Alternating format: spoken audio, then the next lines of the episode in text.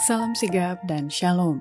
Renungan kita pada hari ini, Sabtu 29 Juli 2023, berjudul Penghuni Surga dan Pelayanan Tuhan Bersuka Cita dalam Pelayanan. Ayat intinya terdapat di dalam Mazmur 103 ayat 21. Pujilah Tuhan, hai segala tentaranya, hai pejabat-pejabatnya yang melakukan kehendaknya. Karena inspirasi menuliskan yang dimaksud dengan judul renungan kita pagi ini, penghuni surga dan pelayanan Tuhan bersuka cita dalam pelayanan adalah sebuah panggilan kehidupan yang praktis agar kita senantiasa menunjukkan sukacita pelayanan sebagai faktor yang menunjang kebahagiaan sejati dan sarana untuk memulihkan hubungan kita secara vertikal kepada Tuhan dan horizontal dengan sesama sebagai berikut. Pertama, Alasan segenap penghuni surga dan pelayanan Tuhan bersuka cita dalam pelayanan karena mereka memperhatikan dan melihat dengan kacamata iman bahwa yang agung dari surga dikelilingi oleh kedua belas suku yang sudah dipilihnya. Lihatlah pemandangan yang mengharukan itu. Perhatikan yang agung dari surga dikelilingi oleh kedua belas orang yang sudah dipilihnya. Dia akan mengutus mereka dalam pekerjaan mereka. Oleh agen-agen yang lemah ini, melalui firman dan rohnya, dia rencanakan keselamatan yang bisa dijangkau oleh semua orang.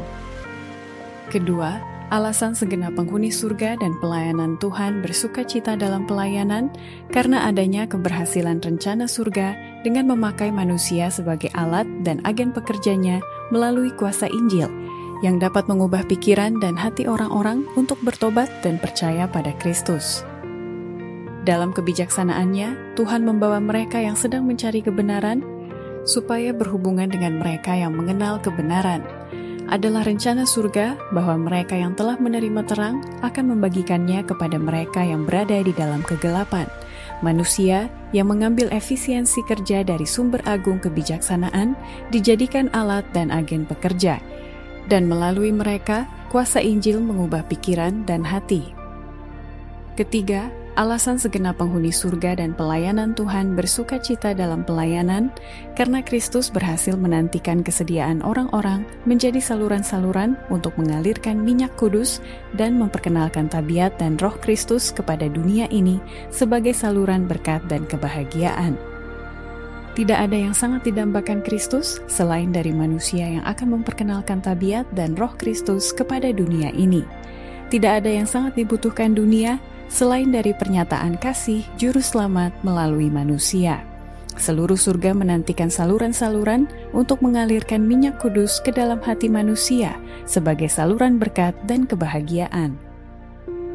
Keempat, alasan segenap penghuni surga dan pelayanan Tuhan bersuka cita dalam pelayanan karena ada orang-orang yang mempersiapkan diri pergi dan bekerja di kebun anggurnya sesuai keterampilan yang ada padanya. Siapakah yang sudah mempersiapkan diri pergi dan bekerja di kebun anggurnya? Allah tidak merasa senang dengan orang-orang baru. Dia mau agar kita menciptakan yang terbaik dan menggunakannya sebaik-baiknya, yaitu talenta keterampilan yang telah diberikannya kepada kita. Demikianlah renungan kita pada hari ini. Kiranya Tuhan memberkati kita semua.